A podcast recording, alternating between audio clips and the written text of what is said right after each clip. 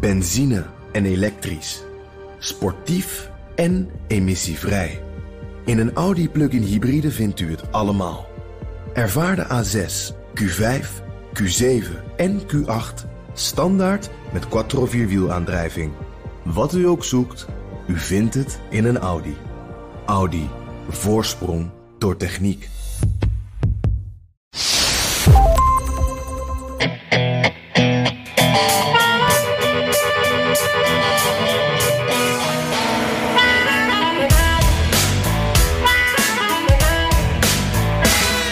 Deze 4th of July was een bijzondere. Vrijheid betekende dit jaar niet alleen onafhankelijkheid, maar ook weer knuffelen met je dierbaren. Een heilige dag noemde president Biden het. Today we celebrate America. Our freedom, our liberty, our independence. The 4th of July is a sacred day in our country. A day of history, of hope, remembrance and resolve of promise and possibility. Ja, vastberadenheid, belofte, hoop.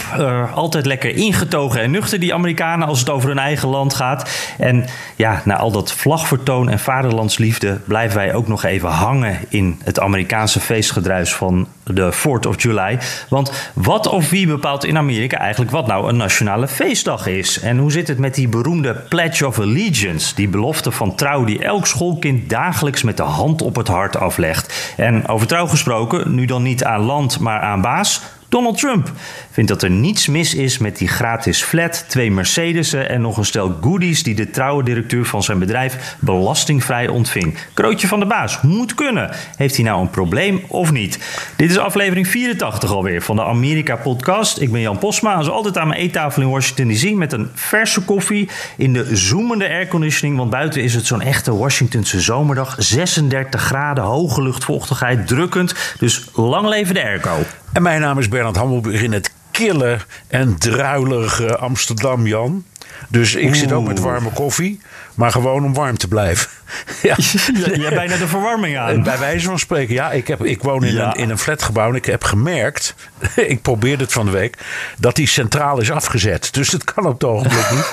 Maar anders zou ik het inderdaad best even doen vandaag. hey, Jan, wat, wat heb je voor interessants meegemaakt in Washington of waar dan ook in dat grote mooie land? Ja, nou, ik, ik heb het even dicht bij huis uh, gehouden. Want die 4th of July, dat, dat was wel echt het moment van deze week. Uh, iedereen in Amerika, shirts, hamburgers, ijsjes eten. Het was weer echt druk op de mall. Daar hebben wij lekker vuurwerk gekeken s'avonds. Het was echt ouderwets, gezellig. Zo'n 4th of July zoals, zoals je dat graag, zoals je dat het liefste ziet eigenlijk. En dat was wel echt een groot verschil met vorig jaar. toen was het door corona echt heel stil in stad. Dat was echt een beetje spookachtig. En nou, ik, ik wil het meteen maar even noemen, want het was ook een groot verschil met uh, twee jaar geleden. En dat was het moment dat Trump die, die 4th of July toespraak uh, hield, weet je nog? Ja. Die, die bij Lincoln Memorial. Ja, ja, ja. Die, maakte, er helemaal, die maakte er helemaal een, een partijspeech van. Ja, precies. Uh, en, en, er kwamen uh, vliegtuigen over. Het was echt heel spectaculair, maar het was ook echt een Trump-feestje. Uh, en toen zag ik overal Trump-t-shirts, Trump-petjes. En, en dat voelde toch wel een beetje raar op, op, op een nationale feestdag. En nu was dat dus echt heel anders. Dit was eigenlijk de eerste keer weer dat ik dacht van... oh ja, dit, dit is de 4th of July. Helemaal geen partijgebonden t-shirts of petjes. Ik heb misschien één of twee democratische shirts gezien, verder bijna niets. En Werner, dat vond ik ook wel grappig, een ijskowagen met Joe Biden erop. Aha. Dat was dan wel een uh, partijdingetje. Uh, hij had zijn pilotenzonnebril op, en, uh, likkend aan een ijsje. Hij is een groot ijsliefhebber. En daar stond op, America is back, shots in arms, checks in banks, jobs coming back and scoops in hands. En, dus uh, ijsjes in je hand. Ja. En we kregen gratis ijsjes kreeg oh, iedereen daar van de Democratische Partij. Ja, ja, ja, ja, dat is nog socialisme. Ja, ja, je, je hebt je als journalist laten omkopen, man.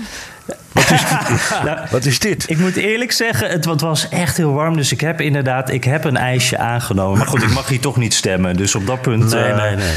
Hey, kan en, ik ze weinig bieden. En ongelooflijk veel vlaggen, Jan, zoals altijd. Het valt me uh, altijd op hoeveel vlaggen je in Amerika ziet. Ook, ook gewoon, hmm. ik zal maar zeggen, gewoon door het jaar heen. Op huizen, in tuinen, op auto's.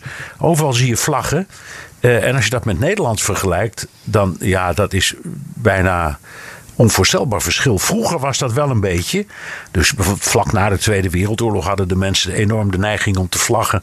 Maar tegenwoordig is dat een enkeling die dat nog doet. En dan heb je vlaggetjesdag. Maar ja, dat gaat eigenlijk over haring en, en niet over vlaggen. En, en natuurlijk op, op, op, op bevrijdingsdag, dan zie je wel wat vlaggen. Ehm, maar, maar niet zoals in Amerika. En dan, dan herinner ik me 9-11. En toen zag je eigenlijk bijna geen plek, geen gevel, geen gebouw, geen auto met een soort antennetje erop. Met de Amerikaanse vlag. Soms zelfs vier vlaggen op één zo'n auto. Op elke, op elke deur, zal ik maar zeggen. Um, ja. En volgens mij is op dat moment ook die gewoonte ontstaan dat politici in hun revers.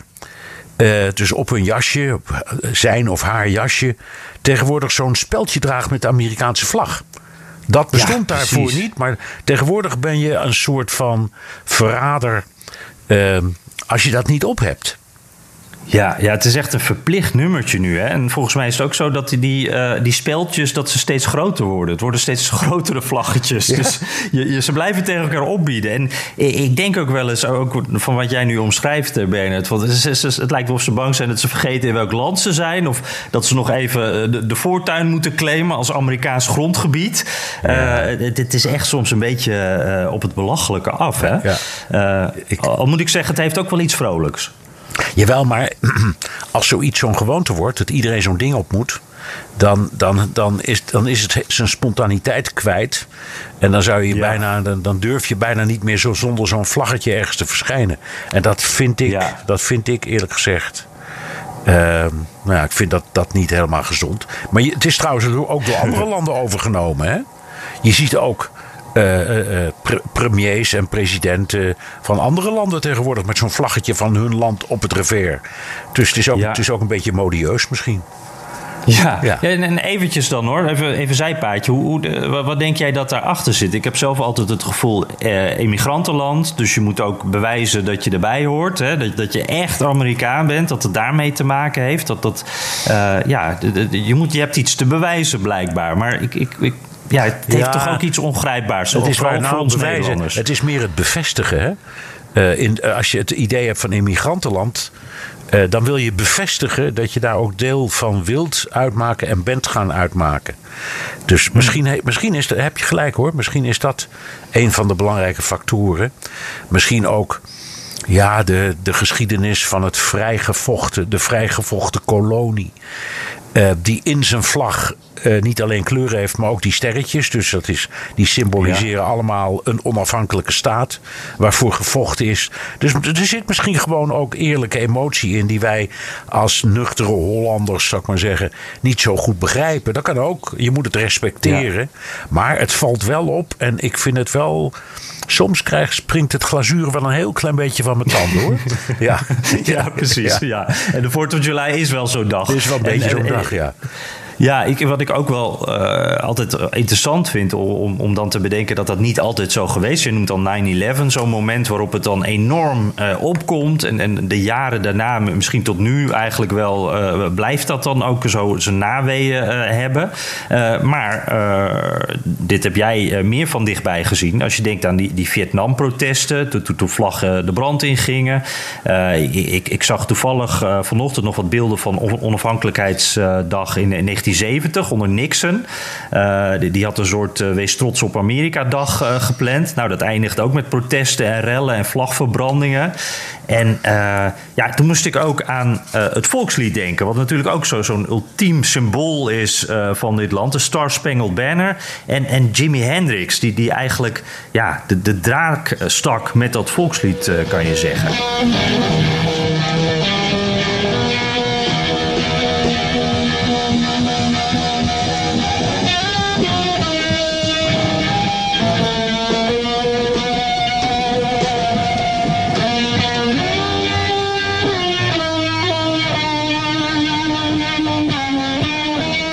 Tijdens die uh, Vietnam-protesten waren het vooral jongeren en democraten die de vlag als symbool zagen van het kwaad.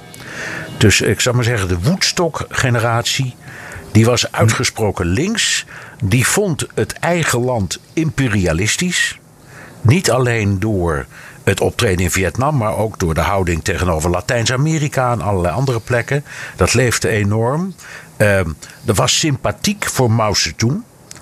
Uh, dat kun je je nu ook bijna niet meer voorstellen. En toen wisten de mensen ook niet wat een ongelofelijke misdadiger die man was geweest. Maar de jeugd, die dweepte met hem.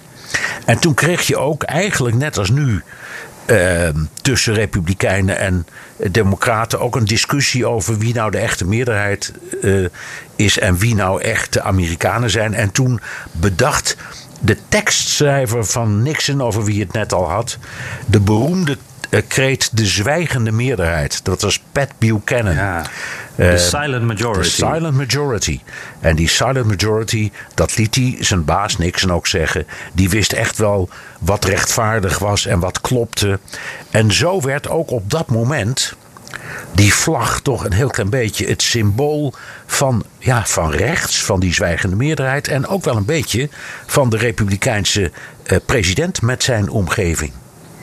Ja, ja, ja. En, en die strijd dan om wat nou het echte Amerika is en, uh, ja, waar die vlag dan bij hoort, dat is wel interessant. Want dat is iets wat nu natuurlijk ook uh, gaande is. de New York Times bijvoorbeeld, die had een echt wel, ja, ik vond het wel een heel interessant artikel, ook veelzeggend over hoe de vlag op dit moment door veel mensen wordt gezien als echt een symbool van, voor conservatieve Amerikanen, als, als iets wat hoort bij rechts-Amerika. En ze noemen daar bijvoorbeeld ook een, een groenteman als voorbeeld. Die had een vlag op zijn vracht, vrachtauto gehangen of geschilderd, ik weet niet meer. En op een bepaald moment werd uh, gemeden, omdat de klanten dachten dat het politiek bedoeld was. Dus niet alleen ik ben Amerikaan, ik ben daar trots op. Maar ze dachten, dit is een, een, een Trumpiaanse vlag. En, en een, een, klant die wordt dan genoemd, die, die, die kocht wat. En toen zei de, de, de groenteman per ongeluk iets politieks. En dat was dan iets uh, positiefs over democraten of zo. En een klant reageerde toen met... Oh, dus je bent helemaal geen Trump-supporter. We, we, hadden het er al over in de buurt. Nou, dat, dat, dus dat symbool van Amerika is op dit moment ook weer een symbool... van alleen die ene kant van Amerika. Ja. Het betekent in ieder geval voor beide kanten wat anders. Ja. Uh, hoe denken eigenlijk Amerikanen over die Star Spangled Banner, over hun vlag? Is dat gepeild, Jan? Ja, dat, dat, dat, dat is ook wel heel interessant. Want um, nou, 70% van de Amerikanen is trots op de vlag. En ik, weet niet wat jij ervan vindt, maar ik, ik, dacht dat zou wel een stuk hoger liggen. Ik vond het best wel laag. Um, en uh, dat is dan ook onderverdeeld. Uh, 80% van, van wit-Amerika is trots. 70% van Latino-Amerika. 60% van zwart-Amerika. En dan was er ook nog de vraag of die vlag symbool is voor hun partij. En toen, toen zei 66% van de Republikeinen ja. En maar 34% van de Democraten vond dat. Dus echt grote verschillen. Ja. Ja, nou je zegt is die 70% viel een beetje tegen. Ik vind behoorlijk veel hoor. Omdat ja, jij woont in een grote stad. Ik woon in Amerika ook in een grote stad. Daar mm. is dat vlaggen gewoon wat minder. Dus ik, ik denk langs die stroken, langs de oost- en westkust, die, die democratische gebieden.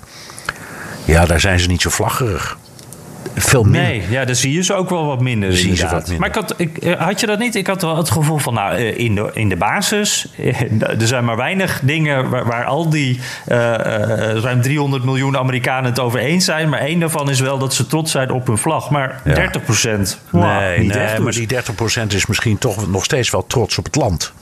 Alleen heeft, ja. heeft niet zoveel met die vlag. Dat, dat bedoel ik eigenlijk meer. Dat zou best kunnen gebeuren. Ja, Jan, Jan we, hebben het, we hebben het over de onafhankelijkheidsdag.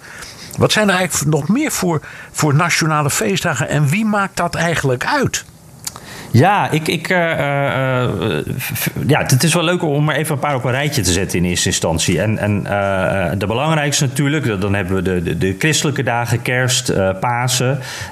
beide trouwens één dag. Dat, dat vind ik ook altijd mooi. Dat heb je vast ook wel eens als je probeert uit te leggen dat we twee kerstdagen hebben in, in Nederland. Dan vallen ze hier van een stoel. Hè? Ja. Dat is echt, daar snappen ze niks ja, van. En wat kost dat dan allemaal niet, roepen ze dan meteen. Ja, precies. Ja, ja, ja, ja. ja, ja.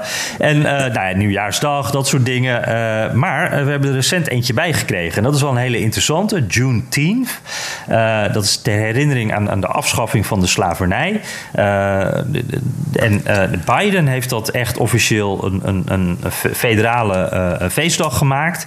En in 1863 werd de slavernij natuurlijk afgeschaft door Lincoln met die Emancipation Proclama Proclamation. Maar de Amerikaanse burgeroorlog, die, die duurde toen nog een paar jaar. Er werd nog even doorgevochten. En uh, ook toen al een groot land natuurlijk, wat niet heel makkelijk te bereizen was.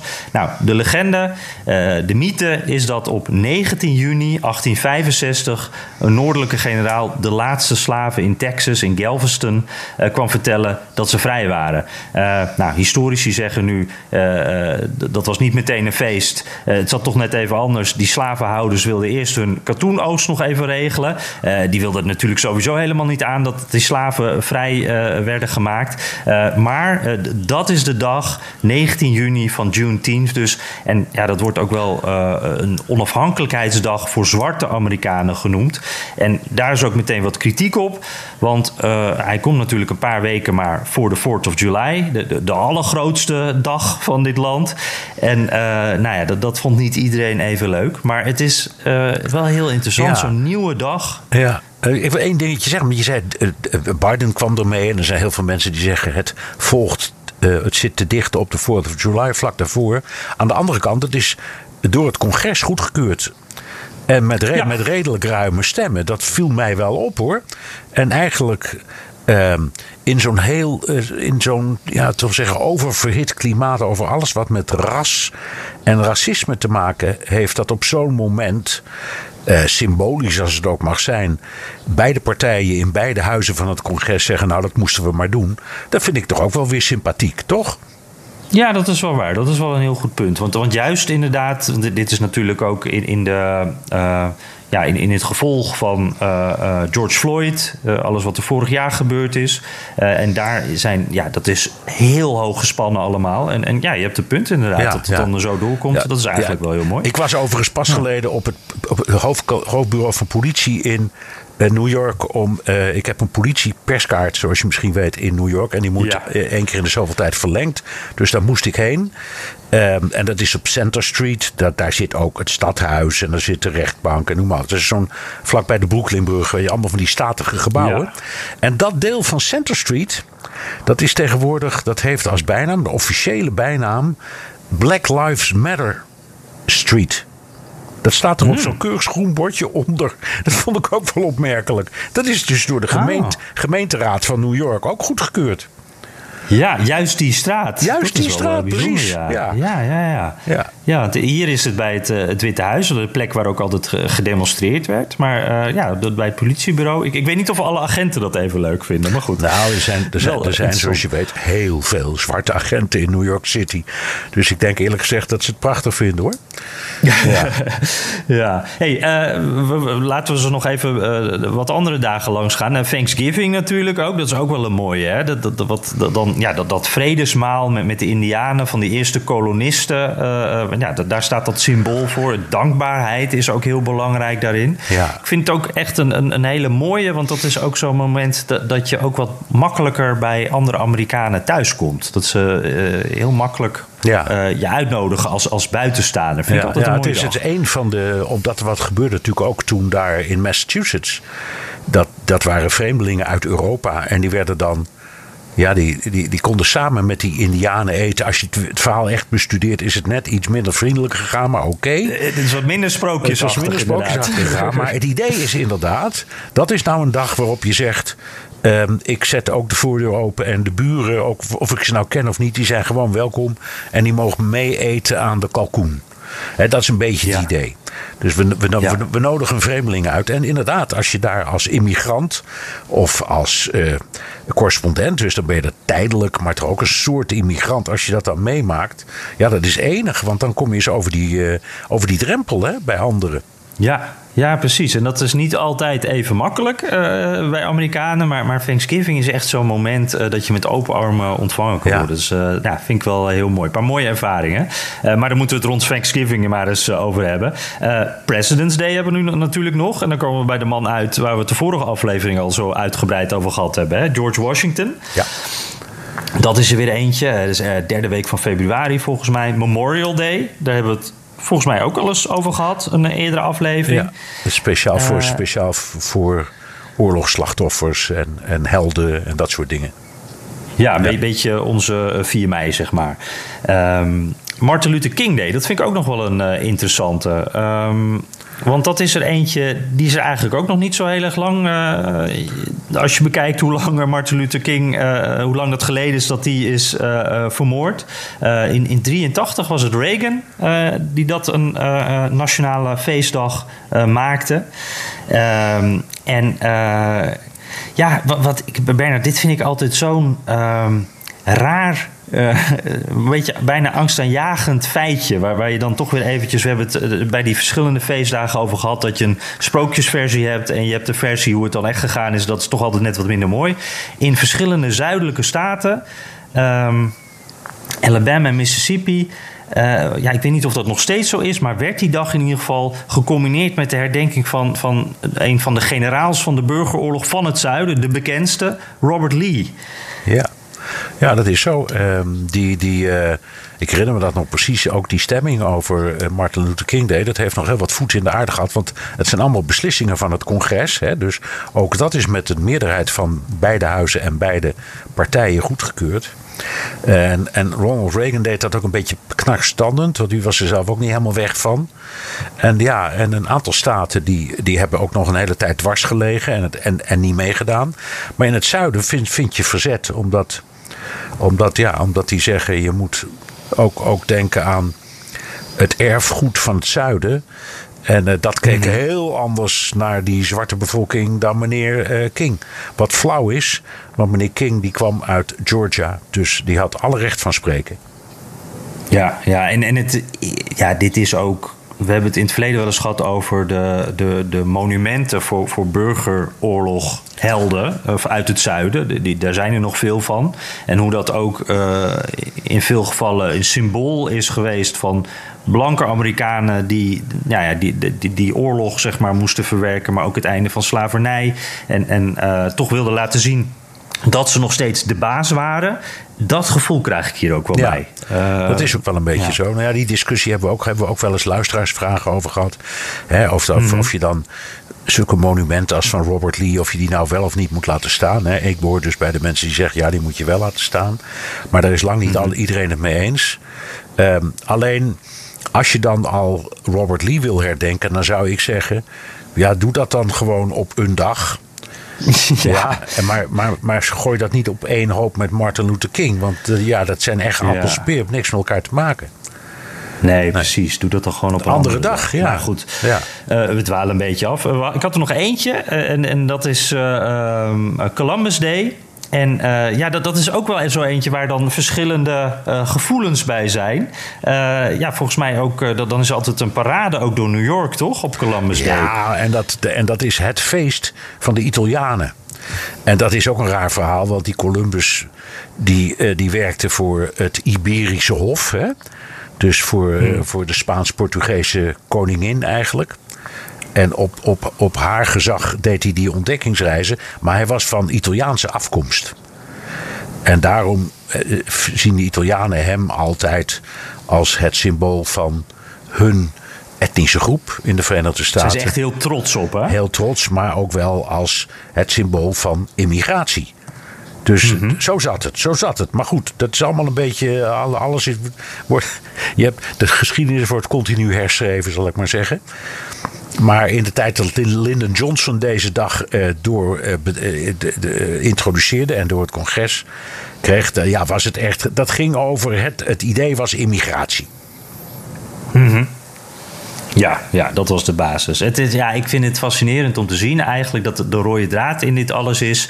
Uh, voor, mijn gevoel in ieder geval. Je hebt de feestdag. Er is een groep die erg uh, fan is van zo'n feestdag. Maar er is altijd een groep die de gevolgen van die de andere kant heeft meegemaakt. En die dus helemaal niet zo van die feestdag houdt. En zo is er bij deze ook weer nou, ook een, een, een, andere kant. En, en dat er de laatste jaren toch meer ruimte is voor die andere kant. nou ja, goed. Niet om die eh, discussie helemaal te heropenen, want daar hebben we het al eerder over gehad. Maar zo heeft elke feestdag dus eh, twee kanten eigenlijk. Ja, ja en afval als het gaat eh, of draait om een persoon.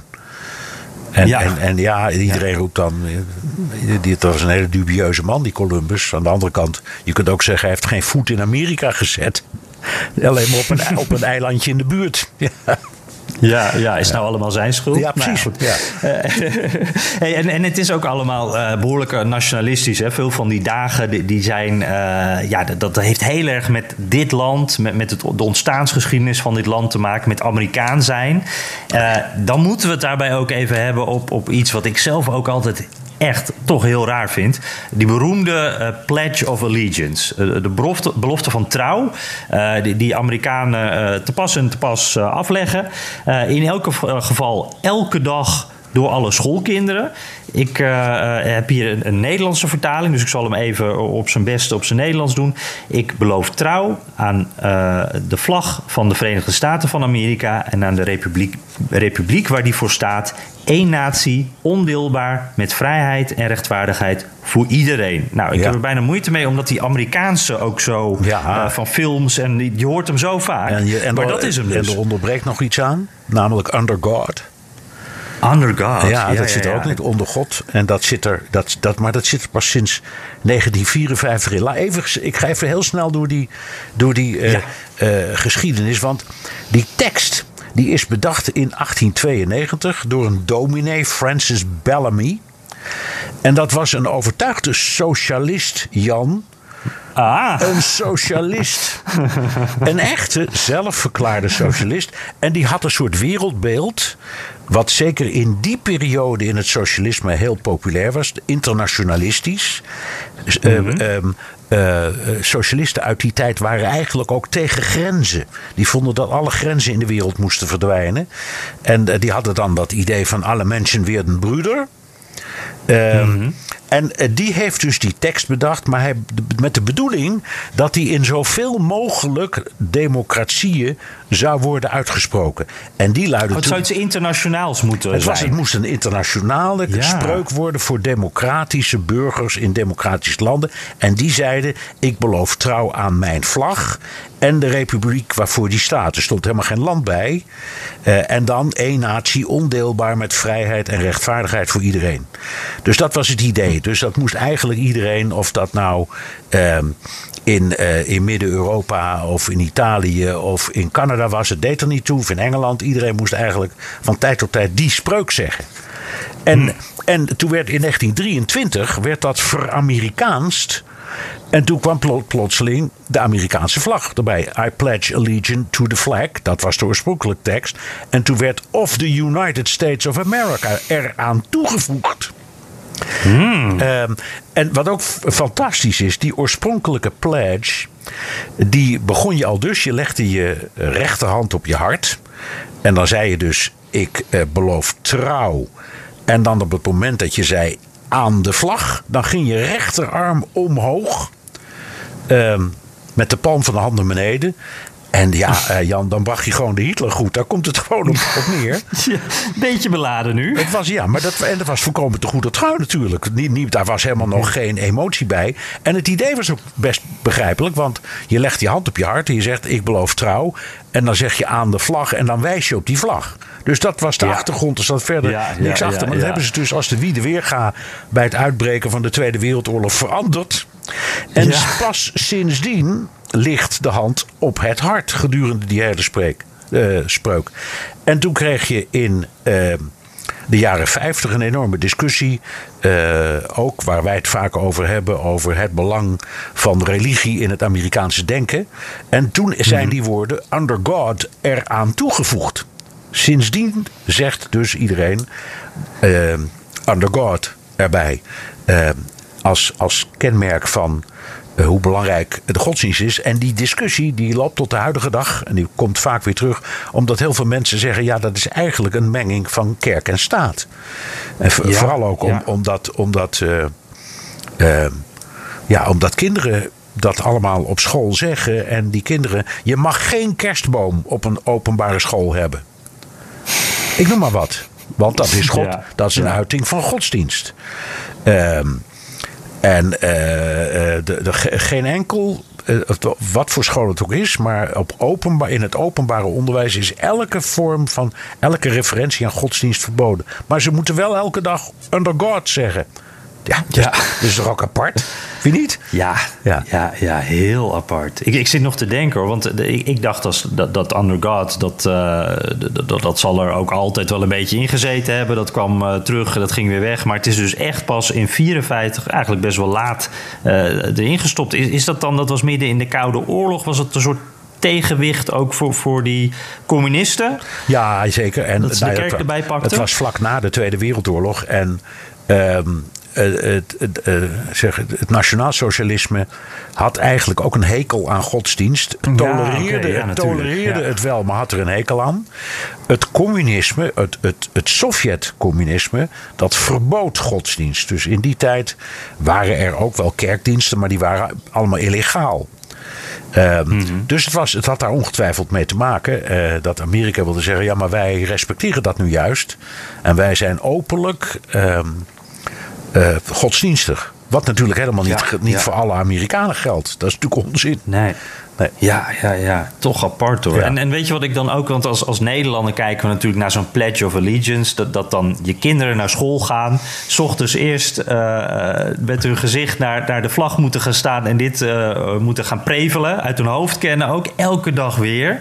Ja. Uh, ik, ik, nou, we, we hebben het wel eens vaker over gehad. Ik denk dan als dit in Rusland was geweest, dan hadden we er schande van gesproken. Ja. En nu in Amerika denken van, nou ja, we accepteren het. Maar jouw zoon, David, die, die is natuurlijk in Amerika jaren naar school gegaan. Die, die moest dit doen, denk ja. ik. Wat, wat, vond je daarvan? Ja, wat vond hij daarvan? Nou, het, het, het, hij zelf kwam midden tijdens uh, zijn lagere schooltijd van Nederland naar Amerika. Hij was negen jaar. Dus hij kwam toen, wat toen nog de derde klas heette, ik denk nu groep vijf, uh, kwam ja. hij in Amerika en sprak geen woord Engels. En moest dus uh, toen elke dag inderdaad zijn hand op zijn uh, hart leggen. En die uh, woorden zeggen. En hij wist helemaal niet wat het betekende. Dus dat was een, een van de eerste dingen die hij leerde. En dat heeft hij toen gedaan. Een tijdje. En toen ging hij naar de middelbare school. Ja, dat heet dan officieel middle school. De eerste twee klassen van de high school zijn, zijn apart. Hè. Daarna heb je nog vier jaar high school. Maar hij kwam toen op die middle school. En toen heeft hij uh, geweigerd om dat te doen. Uh, en dat gebeurt in homeroom aan het begin. Hè. Elke dag worden de absenten worden geteld en er worden allerlei dienstmededelingen gedaan. En dan wordt die, die, die, die eet of die belofte afgelegd. En daar deed hij niet aan mee. En toen kreeg hij op, op zijn donder van de meneer of de mevrouw die het toezicht had. En die heeft hem verwijderd en naar de directeur van de school gestuurd. En, uh, en, die, en die zei: wow. ik, ik hoor dat jij weigert om die spreuk te zeggen. Zei die, dat klopt. En ik kan het ook motiveren, want ik ben Nederlander.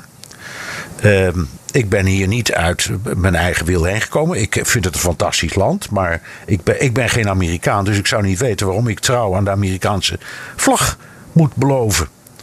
Hmm. Um, en uh, toen heeft die directeur gezegd: dat is nog nooit eerder gebeurd dat iemand dat zei. Maar je hebt wel gelijk. Um, dus die is teruggestuurd en heeft het, hoefde het niet meer te doen. En heeft het daarna ook nooit meer gedaan. En inmiddels is hij ook, behalve Nederlander, Amerikaan. Dus heeft een dubbele nationaliteit. Ja, meneer Wilders, sommige mensen hebben dat. ja. ja. En um, uh, ja, daar weet hij ook altijd onderuit te komen. Hij, hij, hij ziet er niet zoveel in, mag ik het zo zeggen. Ja, ja, hij, ja. Blijft, het blijft een Nederlander. Hij blijft wat dat betreft maar, maar, een, een, Nederlander. Hij, hij, vindt dat, hij vindt dat overdreven. En, en, en ook, nou ja, hij heeft, heeft iets uh, ongezonds. Overigens, op de, op de lagere school moet het elke dag. En op de meeste middelbare scholen alleen op maandag. Dus de, dat okay, valt dan nog wel weer mee. Ja, dat valt dan wel mee. Ja, ja, ja. ja. En, en, toen hij dan uh, ook Amerikaan werd, heeft hij dan eventjes ja, uh, dat heb ik zijn mond dicht gehouden? Ja, dat heb ik meteen gevraagd. Maar toen zei die man, ik stond tussen bijna 400 man. Daar, wordt, uh, dus, daar stond half Azië en half Afrika. Die werden allemaal tegelijk Amerikaans staatsburger. Wat een prachtig moment is overigens. Dat is heel leuk om mee te maken. Maar hij zegt, er stond echt niemand op te letten of ik wel braaf die Pledge of Allegiance zei hoor. Ja, uh, prima. Dus, dus daar heeft hij... Daar heeft hij zich als het ware onderuit gewurmd.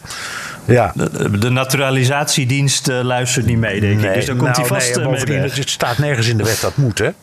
Het is gewoon een gewoonte. Oh, het is... Ja, okay. Nee, ja, het moet niet. Ja, gelukkig. Nee. gelukkig. Nee, Jan. Maar goed verhaal hoor. Ja, een opstandige verhaal, Nederlander op Amerikaanse school. Ja, zoiets van een koppige Hollander. Wat krijgen we nou? Dit is een prachtig land, maar... Uh, uh, ik had al een vlag, zou ik maar zeggen.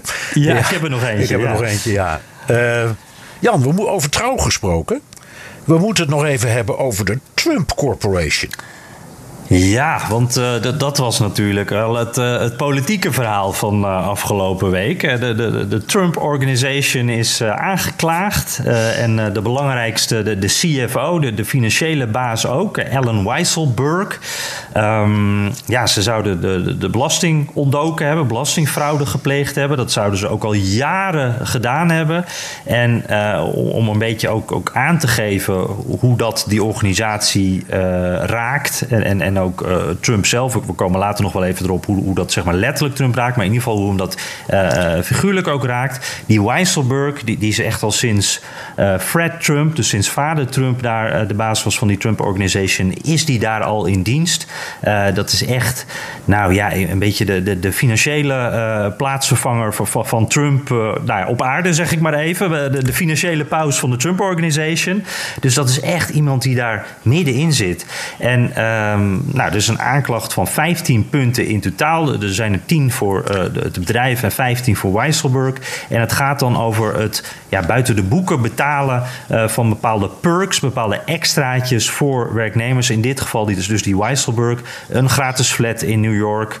Het, het, hij heeft een adres van buiten New York opgegeven, zodat hij de belastingen die heel hoog zijn in New York, dat hij die niet hoefde te betalen. Ehm, hij kreeg schoolgeld. Voor de kleinkinderen ook mooi meegenomen, want dat zullen wel dure uh, privéscholen zijn. Uh, en ja, ook fantastisch, Bernard. His and hers Mercedes'en.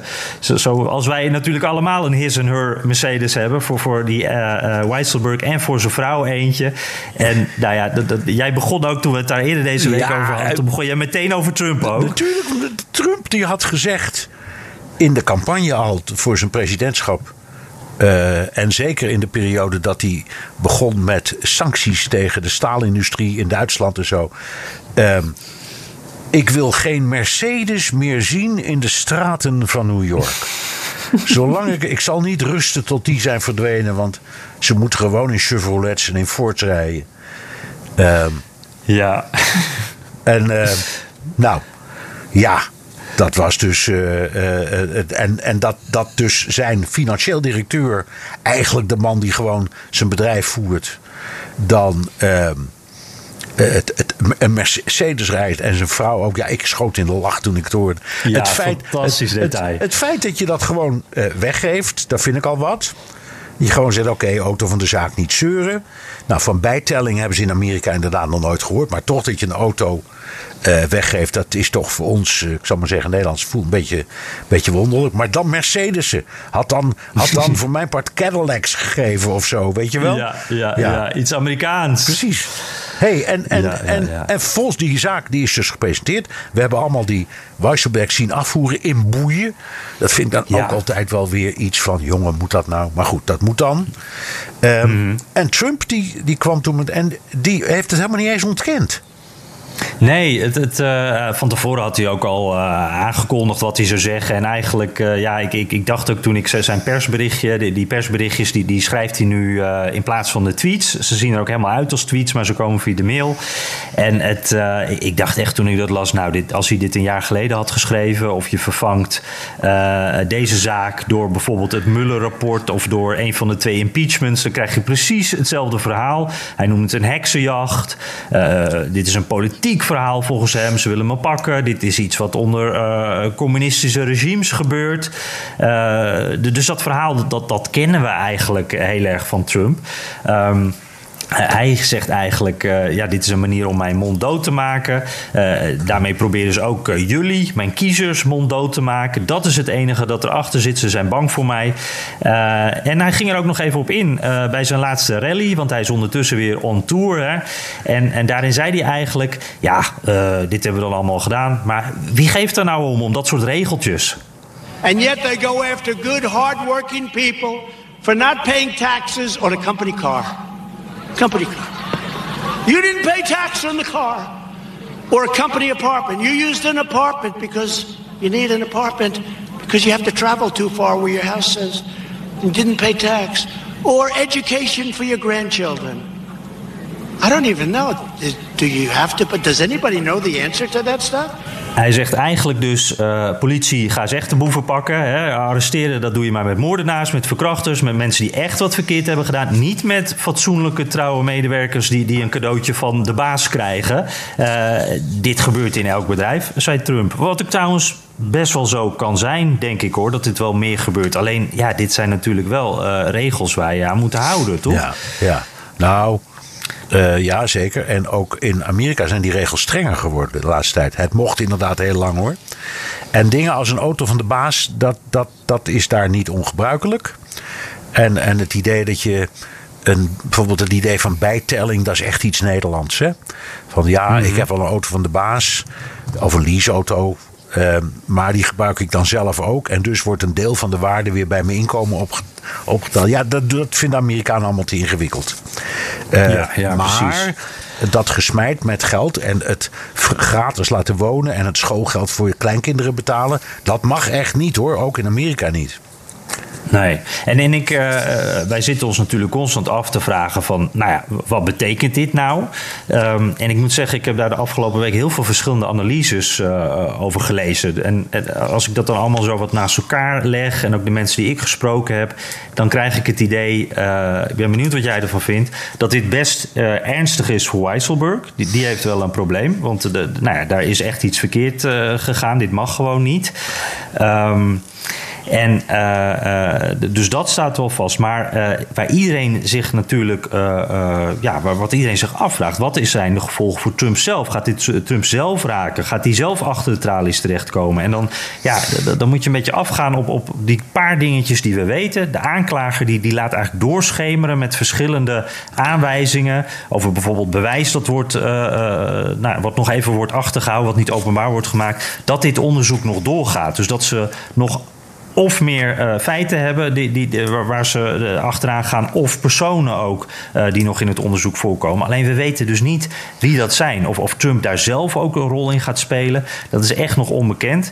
Um, ik denk wel een beetje uh, bij mezelf. Uh, ik zou me heel goed voor kunnen stellen dat als hij zijn CFO zulke voordeeltjes geeft, uh, dat hij ook voor zichzelf en zijn familie dit soort voordeeltjes heeft geregeld. Want ja, zo heeft hij het in het verleden altijd gedaan. maar we moeten nog maar zien of hij ook zelf dus in het beklaagde bankje terechtkomt. Ja. En dan nog één dingetje, om even mijn hele lange, veel te lange verhaal nog wat langer te maken. Ik heb ook heel sterk het gevoel, wat er ook strafrechtelijk gebeurt. Um, politiek gezien denk ik dat het eigenlijk niet zoveel uitmaakt. Want er zijn al zoveel dingen die Trump uh, naar zijn hoofd heeft uh, gegooid gekregen. Er zijn al zoveel dingen die helemaal geen invloed op hem hebben gehad, op zijn populariteit. Dat ik denk, nee. van, ja, als je een bestorming van het kapitool, als je daarmee wegkomt, dan maakt dit ook niet zoveel nee, uit. Dan, dan maakt het weggeven van een paar auto's of een flat ook niet uit. Of het gebruiken daarvan, want dat hij zelf waarschijnlijk ook wel doet. Dus wat dat laatste betreft ben ik het helemaal met je eens. politiek maakt het niet veel uit. En dat geldt eerlijk gezegd altijd een beetje in de Amerikaanse politiek. Dat gold ook bij de verkiezingen van de herverkiezing van Nixon midden in Watergate. Dat gold, bij de herverkiezing van Bill Clinton midden tijdens Lewinsky. Dus de Amerikanen weten heel goed, laten we maar zeggen, een onderscheid te maken tussen het privéleven of de privégedragingen of opvattingen van een kandidaat en de effectiviteit die ze hem toekennen in de politiek. En, en zijn aanhangers zijn toch echt iemand die hem zien als het symbool van een vorm van politiek waar ze enorm in geloven. Dus dan maakt het wat dat betreft niet uit. Alleen strafrechtelijk kan ik ook niet beoordelen. Mijn grootste vraag is: hoe zit, die, hoe zit die, dat bedrijf eigenlijk in elkaar? Want dit is dan de CFO. Die is gearresteerd, de, de, financieel directeur. Maar wie is eigenlijk de CEO? Ik ben er bijna zeker van dat dat niet Donald Trump is. Nee, uh, volgens mij zijn dat op dit moment uh, zijn twee zoons. Precies. En nou, ja, ja, maar zijn die echt CEO Junior. of niet? Of hebben die een ja. andere functie? Of hebben die uh, de functie van commissarissen? Dat is, in Amerika heet dat, werkt dat ietsje anders dan in Nederland. Maar goed. En hoe zit het met Donald Trump zelf? Het zou mij niets verbazen als Donald Trump in die organisatie zelf helemaal geen functie heeft. Mm -hmm. um, nee, nee, vanwege zijn presidentschap. Nee, hij heeft maar toen ook misschien daarvoor zijn... al niet. Dat weet ik helemaal niet. Het kan best zijn dat hij ah. geen officiële functie heeft in zijn eigen vennootschap. Dat zou kunnen. En dan kom je op ingewikkelde vragen. Oké, okay, maar als je een meerderheids belang hebt in zo'n vennootschap, ben je dan wel of niet aansprakelijk voor wat zich in die vennootschap Ja. eh, afspeelt of niet? Nou, dat wordt heel ingewikkeld hoor. Dus ik, Ja, precies. ik- mijn gevoel zegt ehm, dat het zover niet gaat komen. Dat, eh, mijn gevoel Nee, zegt, ook juridisch denk ik dat kanselier Donald Trump ergens zelf voor wordt aange- aangeklaagd. Hè? Echt aangeklaagd in deze zaak. Lijkt me heel eh, gering. Maar wat wel spannend zou zijn, als hij bijvoorbeeld wordt opgeroepen als getuige. Ja. ja. Eh, dat, dat levert niet zo verschrikkelijk veel op, laten we zeggen, in juridische of politieke zin. Maar dat zou wel veel ophelderen. En het is natuurlijk ook een spektakel waar eh, vriend en vijand waarschijnlijk op zitten wachten. Ik denk dat ook de Trumpisten graag willen dat hij dat doet. Laat je maar horen, man. Ga daar maar Ja. zitten in dat getuigenbankje en zeg maar eens wat je ervan vindt. Ehm, dus ja, daar Goed punt. Ik denk dat hij de politiek dan, eh dat, gaat hij er juist van profiteren. Dat denk ik ook. Het is eigenlijk, eh, ja, zoals Dus- dat ook eerder met die impeachment en zo ging. Ja, precies. Daar wordt die spek over, denk ik wel. Jan, ja, nou. Ja, ja, ja. hey, ehm, ehm, gaan we naar de luisteraars vragen? Ja, laten we dat eens eventjes doen. Eh, even kijken hoor. Ehm, Storm, die had al eerder een vraag gesteld, zegt hij. Dit keer eh, eh, luisterde hij weer tijdens het eh, bezorgen naar de podcast. En hij zegt, ik las dat in Ohio transgenders weer geweerd mogen worden van sportclubs. En dat in andere staten dit ook gebeurt. En zelfs in sommige staten ze geweigerd kunnen worden uit ziekenhuizen. En ook dat het homohuwelijk in sommige staten verboden is. Hoe kan dat nog steeds in het vrije land van Amerika? En kan de president daar niets aan veranderen? Oei. Ja, ik, ik, ja, ik, ik, heb er meteen. Ja, vertel. Heb je het opgezocht? Nou, ja, ik heb even gezocht. Ten eerste, het, het homohuwelijk, eh, dat, ik heb er niks over kunnen vinden, maar dat kan volgens mij niet. Nee, want dat, kan niet, want het- de, de eh, geschiedenis is zo interessant. Dat is een federaal besluit. En het is daarom Hmm. zo, zo leuk, omdat aan, dat is onder Obama gebeurd. En die was tegen het homohuwelijk. Hmm. Eh, en toen was de ene na de andere staat besloot zelf om het homohuwelijk in de wet op te nemen. En toen is Obama door de knieën gegaan, heeft hij ook gezegd. Zegt, nou, ik zie, de, ik zie dat de maatschappij er anders over denkt dan ik, dus ik steun het nu. En daarna is het een federale wet geworden. Dus ja, daar valt heel weinig aan te veranderen. Dus ik, ik, daar, dit geloof ik niet. Dit, dat zeggen, ik weet helemaal niks van eh, het, het verbieden van homohuwelijk. eh, waar dan ook. Want het is gewoon een federale wet. nee. Ja, dat, kan- dat kan niet. Het, het, Nee. eh, het Hoge Rechtshof eh, heeft zich daarover uitgesproken. Ja, en die transgenders, heb je dat ook opgezocht? Ja, ik heb even gekeken en dat, was, eh, dat vond ik nog, nog eh, wat ik in ieder geval gezien heb. Ehm, eh, het lokale congres in Ohio heeft een wet aangenomen waarbij transgender sporters ja, eigenlijk niet met vrouwen, tegen vrouwen mogen sporten in wedstrijden. Maar de gouverneur, dat is een republikein, Mike DeWine, die heeft gezegd: ja, wij als overheid gaan daar helemaal niet over. Dat moet de sportclub zelf beslissen. Dus als deze wet, mocht die straks bij mij op mijn bureau belanden, dan ga ik hem niet tekenen. Eh, dit is niet aan ons. En, eh, ja, en dan heb ik dat verhaal over de ziekenhuizen, dat kon ik echt nergens vinden. Dus ik weet niet waar dat gestaan heeft, maar ik kan het me ook niet voorstellen eigenlijk. ik ook, kan dat ik- niet. ik- nee, dat kan helemaal niet. Natuurlijk niet. In een ziekenhuis kan niemand weigeren. Ehm, er zit overigens eh, in, in heel veel wetten, of in heel veel staten, is er een, een ontsnapping als ze, als ze wat dan ook aan, laten we maar zeggen, beperkende maatregelen willen doen. Dat kan bijvoorbeeld zijn het we- weigeren van minderheden in een club. Dat kan als het niet een vereniging is, maar een BV. Dus als, jij, Ah. als jij een tennisclub opricht in Virginia en je kiest als eh, bedrijfsvorm for profit, dus gewoon een, een bedrijf dat er is om winst te maken, dan kun je beperkende maatregelen nemen. Als je, er, ja. als, je er gewoon een, als je er gewoon een vereniging van maakt, wat bijna iedereen doet, of een stichting, dan is het verboden. Ja, ja, ja. ja. Want ik woonde, ik woonde, Ja, ik woonde vroeger eh, buiten New York in de provincie Westchester. Naast eh, een Wingfoot golfcourse. Dat is misschien wel het beroemdste golfterrein van Amerika. Er is heel vaak de US Open gehouden. En dat was toen, ik zou het nu nog eens moeten nakijken, zo lang is dat nog niet geleden, restricted. Dus daar mochten ehm, eh, eh, zwarte en Latino's en Joden en moslims geen lid worden. De- Lag dat ook echt zo? Was dat, stond dat in de reglementen of was het meer van. Nee, die eh, werden we gewoon, laten- nou, die werden gewoon, niet, die werden gewoon niet toegelaten. Ja, dus dat was het was eigenlijk alleen voor protestanten, maar ze hebben dan de hand over het hart gestreken en katholieken ook toegelaten. Maar zelfs dat al knarsetandend. Ja. Oh, jezus. Ja. Ja. ik lach erom, maar het is natuurlijk heel Nou erg. ja, en ik keek vanuit Nou. mijn achtertuin ongeveer op uit. Kun je dat voorstellen? Ja. ja. Met een hekje ertussen. Hekje ertussen, ja. Nou, ja. ja. ik mocht er niet in hoor. Nee. Nee, precies. Dus als er ballen over het hek gingen, dan, dan moest je ze maar houden. Er Ja. zat niks anders op. Ja.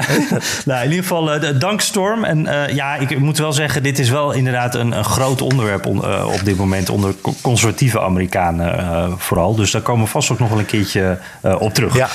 Marcel van der Lek, die zegt... eh, ik eh, luister altijd eh, direct als de pushmelding van Google Podcast verschijnt. Nou, heel mooi. Dus dan hoor je dit vast ook. Hij wijst op een satirisch filmpje over... Nou, dit is dus echt iets, hier had ik nog nooit van gehoord. Eh, de Amerikaanse staatsgreep op Hawaii. Hij heeft er ook een link bij, maar je kan wel even googlen, dan kan je het ook vinden. Ik ben benieuwd, hoeveel weet de gemiddelde Amerikaan hierover? Heeft de woke, tussen aanhalingstekens linkervleugel van de Democraten hier een mening over? En hoe kijkt Bernard naar de Hawaïaanse kwestie? Ja, er is wel degelijk een Hawaïaanse kwestie. Dus dit is helemaal geen fantasie. Ehm, want je weet, Hawaii is pas sinds, wat is het, 1957 lid van, eh, onderdeel van de Verenigde Staten van Amerika. Daarvoor was het een gebiedsdeel. Eh, maar het was al heel lang een gebiedsdeel. Ehm, en eh, in 1893 he- hebben de Amerikanen een soort staatsgreep gepleegd. Er was een koningin. En die is afgezet door de Amerikanen. Eh, en honderd jaar later, dus onder, onder Clinton in 1993, heeft het congres dat ook formeel erkend. Dus wij hebben, die hebben gezegd, ja, we hebben inderdaad een staatsgreep gepleegd. En dat deugt niet. Eh, daar was de discussie niet mee gesloten. Sterker nog, hij is nog steeds niet gesloten. Eh, want er is heel lang in 2003 en 4 en 5 en 7 zijn er debatten geweest. Uiteindelijk in, is in 2010 een wet aangenomen. Die heet de Alaska-wet. Eh, en daarin staat dat, dat de Hawaiianen worden erkend als etnische minderheid. Nou, dat is volkomen terecht. Dat is een heel apart volk, dat kun je ook zien. Ze zijn heel herkenbaar. Eh, maar dat ze ook zeggenschap hebben, net als eh, bijvoorbeeld eh, Indianen in grote delen van het vasteland.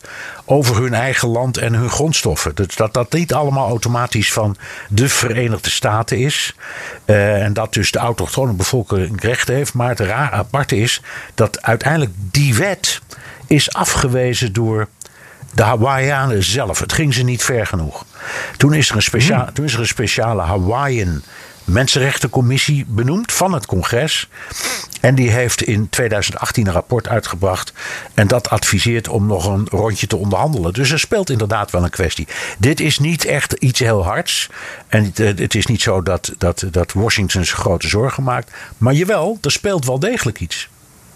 Wat interessant zeg. Ik had hier nog nooit van gehoord. Ik, ik wist, nou ja, in 1959 Hawaii en Alaska werden staten. Dat ging heel nou ja, vreedzaam, zullen we maar zeggen. Maar er is dus een hele periode geweest waarin eh, eh, te- te- met een staatsgreep... eh, de- waarin Hawaii dus eigenlijk een soort, nou, b- ja, bijna een soort bezet gebied is geweest. Ja, nou ja, het was een beetje Het is, zo- dus dit is niet eerlijk. Nee, het was een Eh, beetje ze- zoals- Ze hebben niet zoveel gekozen, zullen we zo zeggen. Het was een beetje zoals de Antillen voor Frankrijk en, en de Verenigde Staten en Nederland. Ja, dat was ook niet helemaal, eh, dat was ook niet helemaal in de haak. Nee, dat was, waren nee. inderdaad gewoon koloniën, daar kwam het op neer. En, en wie, daar, wie daar de macht had, die werd weggetikt. Ja, zo ging dat. Nou, eh, ik zou zeggen eh, bedankt Marcel. Want ik, ik had hier echt nog nooit van ge- gehoord. Wat een goed verhaal. ja. Ehm, ja, Erwin Albrecht, ook vaste luisteraar. Eh, die wil nog even reageren op een eerdere podcast. Toen hadden we het over de eh, afkeer van het socialisme. In oktober 2018, kort voor de midterms, was ik in de VS en hoorde op NPR, de publieke radio, een discussie tussen iemand van de Social Democratic Party en iemand van het libertaire Cato Institute. Dat zijn eh, mensen die een hele kleine overheid eh, willen. De laatste bleef maar hameren op het idee dat eh, het socialisme slash communisme van Marx de collectivisering van private productiemiddelen tot doel heeft. Ondanks weerlegging van die sociaal-democratische mevrouw dat dat al lang niet meer het enige doel is. Hij bleef toch volharden. In mijn beleving is dit vooral een poging om het socialisme, CQ de sociaal-democratie, te framen als een ideologie die er alleen op gericht is om al het privé-eigendom gemeenschappelijk te maken. Dat is blijkbaar het grote ja, schrikbeeld. Ja, daar heeft hij wel. De, ik denk dat Erwin hier wel een punt heeft hoor. Die Social Democratic Party die bestaat inderdaad al heel lang. En die heeft dan nooit een deuk, en een pakje boter kunnen slaan, maar ze bestaan. Hm. En uh, het is een hele aardige, sympathieke club. En die is gelieerd met de Sociaaldemocraten in de meeste Europese landen. Dus de Partij van de Arbeid in Nederland bijvoorbeeld. En inderdaad, die hameren er altijd op dat ze geen communisten of traditionele socialisten zijn. Want volgens de leer van Marx zijn alle productiemiddelen eigendom van de staat. En is iedere hm. burger dus ambtenaar. Daar komt het op neer dat is het ideaalbeeld van het, het, het communisme eh, of socialisme in de traditionele zin. En inderdaad, al die mensen die roepen: Ik wil niet dat mijn land socialistisch wordt, die hebben het daarover. Terwijl sociaaldemocraten, die, die zijn daar wars van. Die, die keren ze daar volkomen tegen dat idee. Die hebben het alleen maar over een socialere verdeling van uh, inkomen. Hè? Dat gaat het voornamelijk, mm. voornamelijk over inkomen en voorzieningen. Niet meer daarover. Dus het klopt. En al die mensen die eh, ook in de verkiezingscampagne erover. I don't want a socialist country. Nou, die, die, die refereren hieraan. En die snappen het dus. Ja, precies. Die snappen het niet. En dan kun je ze niet kwalijk nemen, want het is nogal ingewikkeld. Ja, ja. ja, Nee, het, en wat Erwin, Erwin hier inderdaad ook alweer goed even aanhaalt. Het, ja, de betekenis is gewoon veranderd voor heel veel mensen. Ze, ze denken aan iets heel anders als ze ja. die termen horen. Um, Erwin had ook nog een andere vraag, uh, maar dat is een beetje, uh, dat wordt denk ik een groot antwoord. Dus die schuiven we eventjes door naar volgende week of de week daarna. Maar hij komt voorbij, Erwin. Dank in ieder geval. Uh, Mark Meijer, die had geen vraag, maar die had wel een paar boekentips. Nou, dan gaan we eventjes rechtop zitten, yes. Bernard, want dat is altijd leuk. ja, de eerste is een bekende. die heb jij vast ook gelezen. The Island at the Center of the World. Ja, natuurlijk. Van van New York. Van Russell Shorto. Precies. Die heeft dat geschreven. Fantastisch boek. Een geweldig boek. En ik heb hem er ook vaak over gesproken. Want hij was een tijdje lang. Uh, was die directeur van het John Adams Institute in Nederland. In eh, Amsterdam. ja, in Amsterdam. En uh, toen sprak ik hem met enige regelmaat. Hij, spreekt, hij schreef toen ook al veel stukken in de New York Times.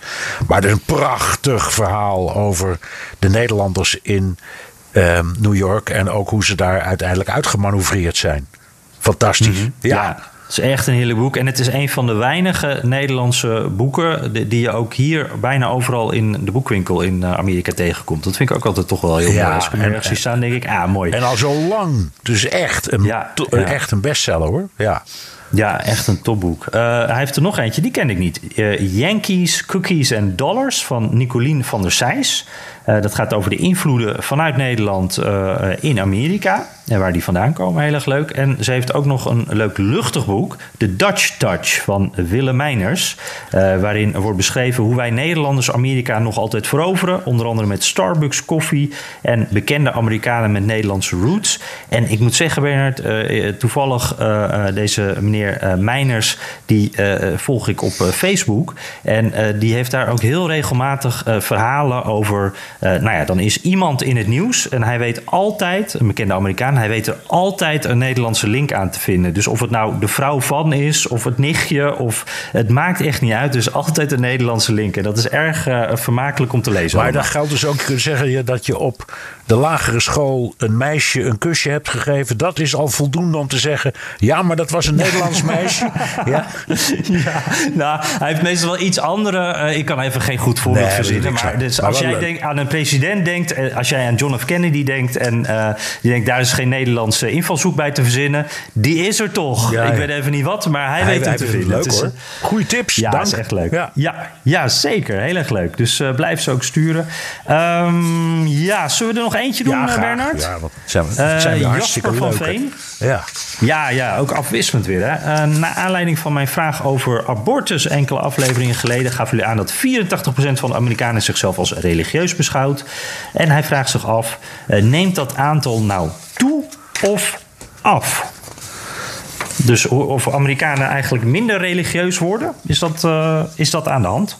Um, Weet je dat? Nou ja, we hebben toen Pew geciteerd, hè? Het, het, het peilbureau ja. dat, dat zegt. In dat onderzoek dat wij toen hadden gelezen, dat ik geloof 84% van de Amerikanen zichzelf religieus noemen. Dat zegt niet zo heel veel. Maar dat zegt wel dat ze het ermee eens zijn dat je in de Pledge of Allegiance het woord under God gebruikt. En die vinden het ook mooi dat er kerken bestaan. Al betekent het helemaal niet dat ze er zelf heen gaan. Dus het, het is niet een cijfer dat betekent dat die mensen ook actief lid zijn van een kerk. Maar wel dat ze in, in grote getalen ehm, tolerant zijn over of positieve gevoelens hebben over godsdienst. Dat is volgens mij wat dat Pew-onderzoek liet zien. Dus het is een heel, het is een heel, uh, het is een breed, breed begrip. Um, ja, het is geen leden... Je kan het op heel veel verschillende manieren definiëren ja, natuurlijk. Van ja. geloof je of ben je christelijk of ja. Ja, of ben je lid van een kerkgenootschap. Want dan, dan, dan, dan, maak je het weer veel nauwer. Er zijn heel veel mensen die, die wel degelijk religieuze gevoelens hebben, maar niet lid zijn van een protestante of katholieke kerk of van een synagoge of van een uh, moskee of uh, noem het allemaal maar op. Dus dat hoeft niet noodzakelijk zo te zijn. Nee, ja, het is volgens mij wel zo, uh, maar dat hangt dan ook. Ja, de mensen die zich als christelijk identificeren, dat die aan het afnemen zijn in de VS. Ja, dat, dat, dat is in ieder geval wel een. Maar dat, goed. Nou, dat zou best kunnen, maar dat komt natuurlijk ook door de groei van de andere groepen. Er is een enorme uh, toestroom mm. geweest van uh, Latino's. En Latino's zijn in het algemeen, er zijn wel heel veel evangelische Latino-bewegingen, maar in het algemeen zijn ze rooms-katholiek. Dus dan krijg je wat meer rooms-katholieke en wat minder protestants-christelijke mensen vanzelf. Mm. He, dus dat soort dingen speelt ook een rol. Dus ja, ik, weet niet, ja. ik weet niet of er sprake is van ontkerkelijking.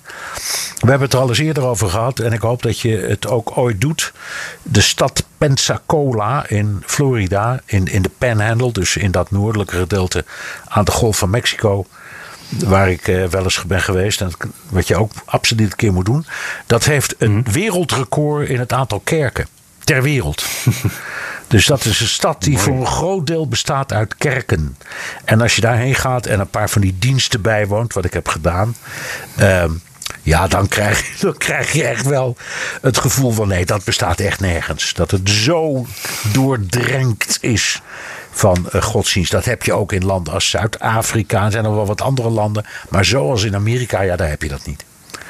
Ja, ja, ja, bijzonder. Nou, daar moet ik ja. absoluut eens een keertje heen. Absoluut, um, ja.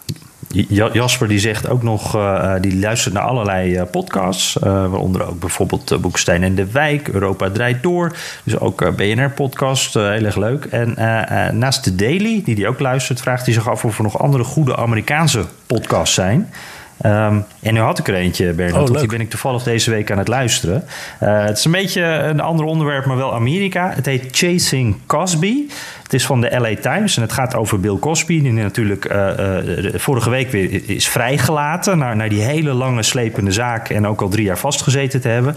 En dat is iets van zeven afleveringen, geloof ik. Ik ben nu bij aflevering bij de ene laatste. En die gaat helemaal van het begin tot het eind... eigenlijk die hele Cosby-zaak, wat daar allemaal aan de hand is... wat... wat uh, hoe dat in de media is gekomen, uh, hoe daar juridisch op is gereageerd. Uh, dat gaan ze allemaal bij langs door een journalist die hem in die tijd ook al volgde. En dat is echt heel mooi en heel goed verteld. Dus dat is mijn podcasttip voor deze week. Ik ga hem ook luisteren. Ik vind het een fantastisch, ja. fascinerend verhaal. ja, die hele Cosby-zaak. Ja. Ja, ja, en het, het, ook het logo is heel mooi. Want dan zie je zo'n die typische Cosby-trui. En die rafelt dan aan één draadje aan de onderkant zo af. Dus dat uh, hebben ze goed bedacht. Wauw, ja. Ja. hey Bernard, ik, uh, ik zit er doorheen met mijn hete koffie. Ik weet niet of je, ja. heb je het nog warm daar? Ja, nou, ik ben redelijk hoor. Ja, ik heb ook een trui aan. Het, het klinkt gek, maar het is echt waar. hey Jan, heb je nog recensies? Ja, we hadden er eentje uh, van Pablito 0604. Um, die geeft vijf sterren. Nou, daar zijn we altijd heel blij mee. Uh, laat ik dat nog eventjes uitleggen ook waarom. Want dan zijn we makkelijk te vinden namelijk ook in uh, Apple Podcasts. En dat is ook weer goed voor ons natuurlijk. Dus als je ook een recensie achter wil laten, heel graag. Ik geloof dat 300 466 inmiddels mensen hiervoor zijn gegaan, maar uh, we kunnen er altijd meer gebruiken. En die zegt: uh, Heerlijk om tijdens het hardlopen door het Zuiderpark in Den Haag te luisteren. Uh, wat vinden jullie van het nieuwe boek? Daar is weer een boek: Battle for the Soul over de Democratische Partij tijdens Trump en verkiezingen. Daarin wordt veel gescholden, voornamelijk door Obama. Ook wordt Obama er een parasiet voor de Democraten genoemd, omdat tijdens zijn tijdperk honderden staats-senaatzetels en meerdere landelijke zetels uh, verloren gingen. Uh, ook wordt in, in dit boek duidelijk dat Obama twijfelde aan beiden. Wat uh, is jullie kijk? Ik, ik, heb het nog niet gelezen. maar ongezien zie, hoor ik al dingen die wel, mm-hmm. die, waarvan ik weet dat ze kloppen. Ehm, twijfel aan Obama, dat, dat, dat ging er meer over dat Obama zich met velen afvroeg of dat nou wel de sterkste kandidaat was voor de partij. Mm dus, uh, nou ja, hij vond wat heel veel andere mensen ook vonden. Uh, een prima man om, uh, aan je als vriend. Maar weet niet of hij sterk genoeg is. Nou, dat is ons tot nu toe ja. allemaal meegevallen, zoals we weten. Maar dat onder Obama ongelooflijk veel mis is gegaan in de Democratische Partij, ook op staatsniveau, ja, dat klopt. De vraag is alleen of ja. je dat aan Obama kunt wijten. En als dat zo is, dat denk ik steeds, dan speelt daar ook doodgewoon een, de factor racisme. Omdat heel veel mensen, ik herinner me dat nog toen hij werd gekozen, echt zeiden: Wat een zwarte president van mijn land? No way. Mm Het was echt zo. Precies op ja, deze manier. Ja. En er zijn, er is dus, dat heeft dus heel veel. Ja, uh, ik weet het niet, dat heeft heel veel weerstand opgeroepen. Wat heel triest is, maar het is niet anders. Ja, ja zeker. En dat, uh... Ken jij het boek? Uh, nou, ik heb toevallig, ik, ik, ik, uh, ik lees altijd de boekrecensies uh, in de krant en dan zet ik ze op een lijstje. Deze staat op het lijstje en de recensies waren heel positief. En ja, ik ben eigenlijk wel heel benieuwd. Nou ja, het schijnt toch wel echt een goed boek te zijn. En, en wat jij noemt natuurlijk over die, dat racisme, dat is een van de, ja, ik denk dat het ook wel een onderdeel is van de opkomst van, van Trump. en die verwaarlozing van de eigen partij, dat vond, vind ik ook wel ja. een hele interessant hoor. Want dat zie ik ook, ja, dat, dat dat is ook zo, denk ik. Ja. Ik denk dat hij inderdaad als president toch uh, ja, misschien wat te veel met zichzelf bezig was. Of met het presidentschap, wat natuurlijk eigenlijk iets uh, positiefs is, maar niet zo goed voor de eigen partij. Nee. Nee. Okay. Maar hij, uh, hij staat op de lijst. Ik ben echt ik ben heel benieuwd. Dus dank in ieder geval, Pablito. Oké. Okay. Terugluisteren kan via de BNR site, Apple Podcast of Spotify. Heb je vragen, opmerkingen, kritiek of complimenten? Dan kan dat ook met een tweet naar Jan Postma USA of BNR De Wereld of heel ouderwets met een mailtje naar dewereld.bnr.nl.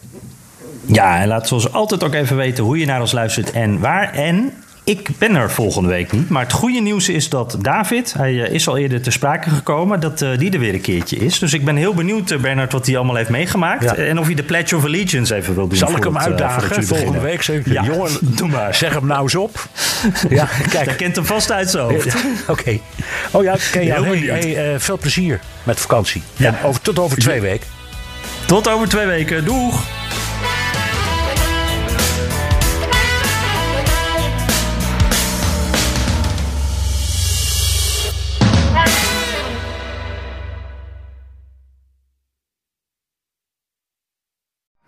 Benzine en elektrisch. Sportief en emissievrij. In een Audi plug-in hybride vindt u het allemaal. Ervaar de A6, Q5, Q7 en Q8 standaard met quattro vierwielaandrijving. Wat u ook zoekt, u vindt het in een Audi. Audi. Voorsprong door techniek.